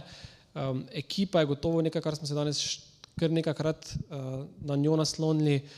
Eh, kaj ocenjuješ, da je tista, tista, neka, tista neka srčika, čipola, ki omogoča ta neki momentum, ki vas bo, um, ki vas bo gnal naprej? Ja, jaz upam, da bomo uspeli se pravi najti, uh, bom rekel, kategorijo, ki bo v resnici nam ustvarjala večje, bom rekel, se pravi, um, ta selavc, se pravi, koliko mi pro, produktov prodamo na teden. Uh, to je en izmed uh, ključnih stvari. To je nekaj vrste, nekaj vrste naš subscription, ne se pravi, mi nimamo, bom rekel, nekega momenta, da vsak porabnik da dodatni dolar za neko storitev. No. To je ena stvar, druga pa mislim, da bomo potrebovali strateškega partnerja, ki je že prisoten v marsikateri drugi verigi in je to neke vrste extend, bom rekel, njihovega produktnega portfolija. Um, kaj ti iz tehnologije, iz pogleda na samo tehnologijo, nimamo nič kaj drastičnega razen precej znanja. Uh, tako da tudi tukaj obstaja mogoče moment nekega strateškega partnerja, ki bi lahko to znanje v resnici porabil. No? Uporabil mogoče za, za to, da ponovno spet njihov produkt izboljša. No? Tako da tukaj vidim, da se bo sigurno naredil nek uh, velik preskok. Uh, mi bomo rabili uh, nekega zunanjega, bom rekel, zunanjo pomoč.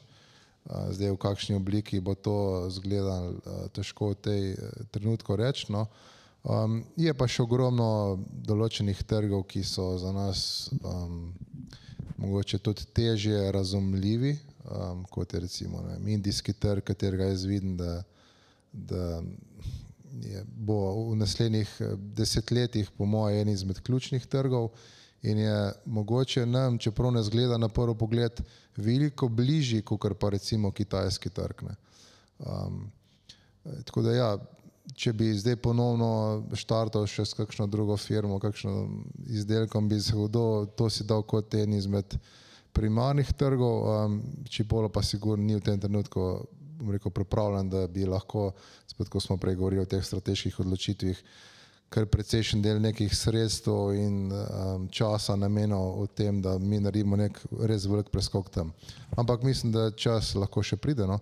Tako da ja, um, zelo zanimivo bo, um, zanimiva prihodnost, dolg čas zagotovo seveda ne bo, uh, te spremembe, bom rekel, na trgu, ki se dogajajo bistveno hitreje kot kdajkoli prej, bojo sigurno prenesli še kaj taza, kar si prej v preteklosti ni nikakor nismo predstavljali.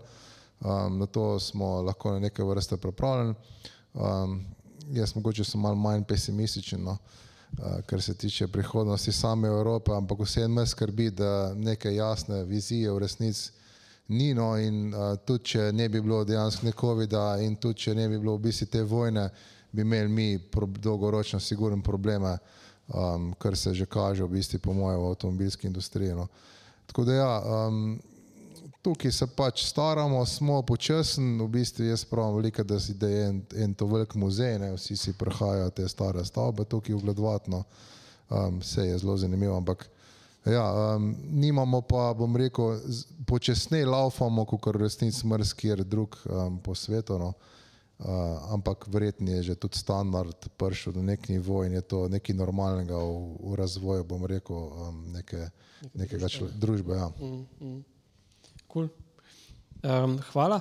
Uh, Denis, tebe imam pa za, za konec uh, uh, eno tako bolj lahkotno vprašanje, pa vseeno povezava teh nekih um, uh, uspešnega premagovanja ciljev in, in kriz, pa povezava športa, pa športne karijere tvoje. Uh, kako tu vidiš neke sporednice, um, kdaj boš na havajskem Ironmanu nastopil? In uh, kakšni so OKR-ji vezani na to, na to temo. Ja, če boš vprašal mojo soprogo, bo rekla, da upa, da nikoli da ne bom na havajskem Ironmanu. Ne, mislim, ja, jaz sem bivši uh, plavalec, uh, plavalcem nam ni tuje, da pač moraš zgodaj vstati, pa v mrzlo vodo plavati in se neke discipline naučiš. Prima še prej govori o disciplini in dejansko ja, disciplina kasneje tudi v življenju zelo pride, ker tudi pri OKR-ju ne potrebuješ pač disciplino.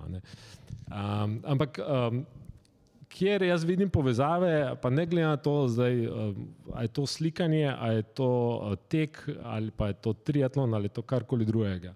Je, da uh, vam zastavim eno vprašanje, če, če mi lahko ustrežete, pa dajmo to interaktivno narediti. Koliko od vas ima na mesec eno aktivnost, v kateri je, lahko, v kateri je štiri ure odklopljen, izklopljen od telefona. Ga nima pri sebi in je fokusiran samo na eno stvar. Štiri ure ali več na mesec, vsak mesec. A, pet vas je, šest. No. Štiri ure v, v, v enem, v kosu. kosu. Štiri ure. Kosu. Oh. Matic, res? Ne, ne, spanje odštejemo. Spanje odštejemo. To smo pa pogovorili, ker to je kar zanimivo. Pet, nekje pet, torej, a, spa, a je kdo dvignil, ker spi vmes? Ne, ampak resno, no, torej, pet rok, ja, tuče. No, kar pomeni nekje, recimo 20 odstotkov. Ne.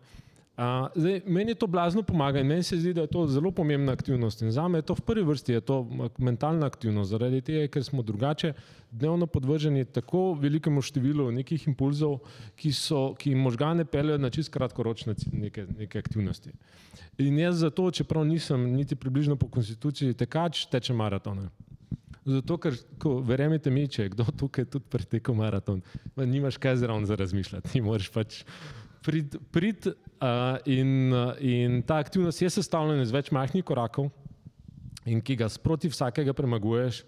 In uh, ni lahko zadoščenje, je, je veliko, ampak kot rečeno, ti si takrat fokusiran. Ne? In podobno je s kako drugo aktivnost. Zdaj, da, če, če pa znamo iz tega še nekaj koristi za svoje telo, narediti pa še tako boljše. In, in to so moji glavni cilji. Sveda, potem pa, pa če, ker želiš pa napredovati, pač be better, ne pač preprosto si pač nek cilj uh, postaviš, ampak jaz vedno tekmujem sam sabo, ker nimam kaj s kipčogem tekmovati. Kipčog je dvakrat hitrejši od mene. Cool. Ej, uh, obema iskrena hvala za, za ta iskriv in uh, super pogovor. A, daj, Matic, izvoli, uh, tukaj se k kolegici sprehodi. Se v bistvu zelo težko postavlja vprašanje, če je to krat kabel. Ne? Pa to, da malo staneš, ne? to je ravno ta, to je namensko, tako primaš, to ni Ej, zdaj na ključe. Jaz ne bom zdaj primo že postavil na vroč to, ga moram reči v službi malo spraševal, bo je eno vprašanje za Denisa. Um, se pravi, ko si šel čez to svojo pot, uh, ste šli, no, se ne vem, se, ok, okay pardon. Um, iz enega korpota, ogromno ljudi, v rečemo temu čisti startup. Um, Mislim, da so neke svoje specifike, kjer se ti zdi, da si največ, da so te najbolj mogoče, kako bi rekel, bili dobri skili, ki si se jih naučil v korpotu, pa si jih prinesel v startup sabo. Pa verjetno so te kakšne tudi omejevali, pa me zanima tudi te. Um, pa če bi lahko zdaj še enkrat šel čez ta isti transition, kjer bi mogoče izpostavil, um, da se jih mogoče mi lahko tudi, ki si želimo postavljati podjetje ali pa ki smo v startupih, pogooglamo, poiščemo, pa se jih naučimo. Težko vprašanje ti to tvoje postavlja. Matic je Ja. Um, ne, super, super vprašanje. Um, dejansko, ko se pogovarjam uh, z ljudmi iz start-up ekosistema, uh, je, je mnogo strah uh, korporacij. Zdaj, ne vem, če ste tudi vi taki, no, ampak um, delno čisto pravičeno, ker tam veliko ljudi dela v prazno poročila in tako dalje. Nesmiselne stvari. Ne. Ampak ena stvar, in to bom pa direktno poskušal odgovoriti na to, ki se mi pa zdi izjemno pomembna in ki v a, majhnih podjetjih manjka, v startupih manjka in tudi v, že v srednjih velikih manjka, je recimo, kako strukturirati podatke, a, zato da nam bojo omogočale boljše odločanje. In v velikih sistemih je BI v večini primerov, ne govorim vseh, dobro že spostavljen, seveda je to izjemno kompleksen. Ampak na koncu so, tisti, so to podatki, na podlagi katerih ti lahko dnevno planiraš, tedensko, mesečno, deset let naprej in ko sprejemaš odločitve. Ker dobivaš zelo veliko vhodnih podatkov. In je tvoja naloga, ali jih znaš ustrezno strukturirati in potem ustrezno prevesti v neko menedžersko odločitev. In to se da. Um, kar pa vidim, da v, v srednje velikih že podjetjih v Sloveniji, kaj šele v startupih, uh, za to raz, fazo rasti, običajno ta faza zajemanja kvalitetnih podatkov in potem odločanje na podlagi tega manjka. Ne vem, kakšno pot, to, bo, to bi me prav zanimalo, kakšno ste šli, ampak recimo kot primer bom dal. V svetovanju je osnovna enota, ker ni vstopnega materijala, ampak vstopni material je, grdo rečeno, ura. A ne, vse se strinjam, če pač tako kot frizerski salon, vstopna enota je ura. Če je temu tako, potem jo, kaj moraš to uro? Dobro je znati zajeti, kaj se je dogajalo z njo, pri kakem naročniku, kdo jo je izvajal in tako dalje, in potem to znati akumulirati in tako dalje. Zdaj, seveda, zato že obstajajo sistemi, ki pa niso tako mogoče enostavni, niso poceni, ampak so nujno potrebni za to, da lahko z rastjo podjetja tudi bolj kvalitetno sprejemaš odločitev, ne samo na podlagi tega, nam se zdi. To verjetno stokrat slišite. Ma meni se zdi pa tako. To ni za me. ne. Meni se zdi, je, jaz menim, je za me ni, ni stališče, ne. to je pač to je mnenje. In na podlagi mnenj sprejemati odločitev je zelo nevarno. A, zdaj, perfektnih nekih argumentov iz- na podlagi zelo jasnih nekih podatkov nikoli ne bo. Tudi podatki so lahko prestranski, če so slabo strukturirani. Ampak dobro, vsaj kanček nekih podatkov, informacij o tem, kako, zakaj mi poslujemo, kot poslujemo, je boljše, kot jih ne imeti. In to je recimo lekcija, kot se mi zdi, je nekaj, kar velja fully odnesti iz korporativnega sveta in ga postopno, seveda, v fazah rasti uvajati.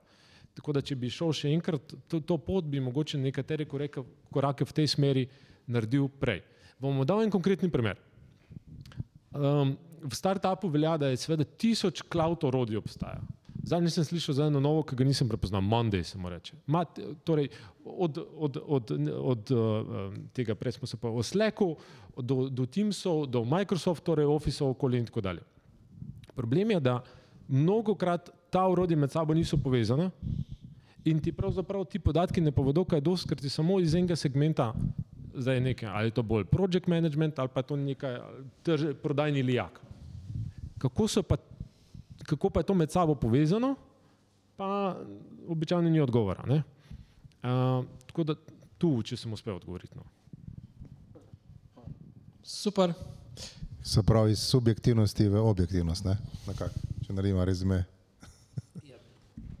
čim, čim bolj. Sej, marsi, pazite to. Zakaj se temu v startupih okolju, pa na splošno v organizacijah temu upirajo? Zaradi tega, ker marsikomu ni všeč, kaj boš odkril. Ne, ne zaradi tega, da kdo slabo dela. Ne? Ampak a, na, na koncu, veste, redko kdaj se najde v takej situaciji, ko je en odgovor, zakaj smo pa prejšnji mesec poslovali slabo. Ne, običajno je to več dejavnikov. Torej. Zdaj, kateri so ti dejavniki? Prvo, če ti želiš nekaj spremeniti, rabiš ti razumeti, zakaj se je to zgodilo. Ne? Se podobno kot bolezen človeka, pa, pa zdravljenje. Ne? In um, mislim, da manjka v majhnih, srednjih, velikih startupih in tako dalje, prilagojenih, seveda, tem velikosti, ustreznih orodij za boljšo razumevanje, zakaj se nam dogaja to, kar se nam dogaja. Uh -huh. potem, potem lahko boljše prilagajamo odločanje. In to je priložnost za startupe, da tako orodje naredijo in uh, rešijo svet izboljša poslovanje. Hvala lepa, zaključili smo s priložnostjo, želim vam lep večer, gostoma še enkrat hvala, en velik aplaus in uh, se vidimo. Hvala. Ti je bilo všeč? Da ne boš zamudil novih epizod, klikni subscribe. Veseli pa bomo tudi tvoje ocene, komentarje in delitve, da za nas vedo še druge radovedne glave. Pobrskaj po naši bogati zbirki pogovorov, gotovo se v njej skriva še kaj zate. Se slišimo?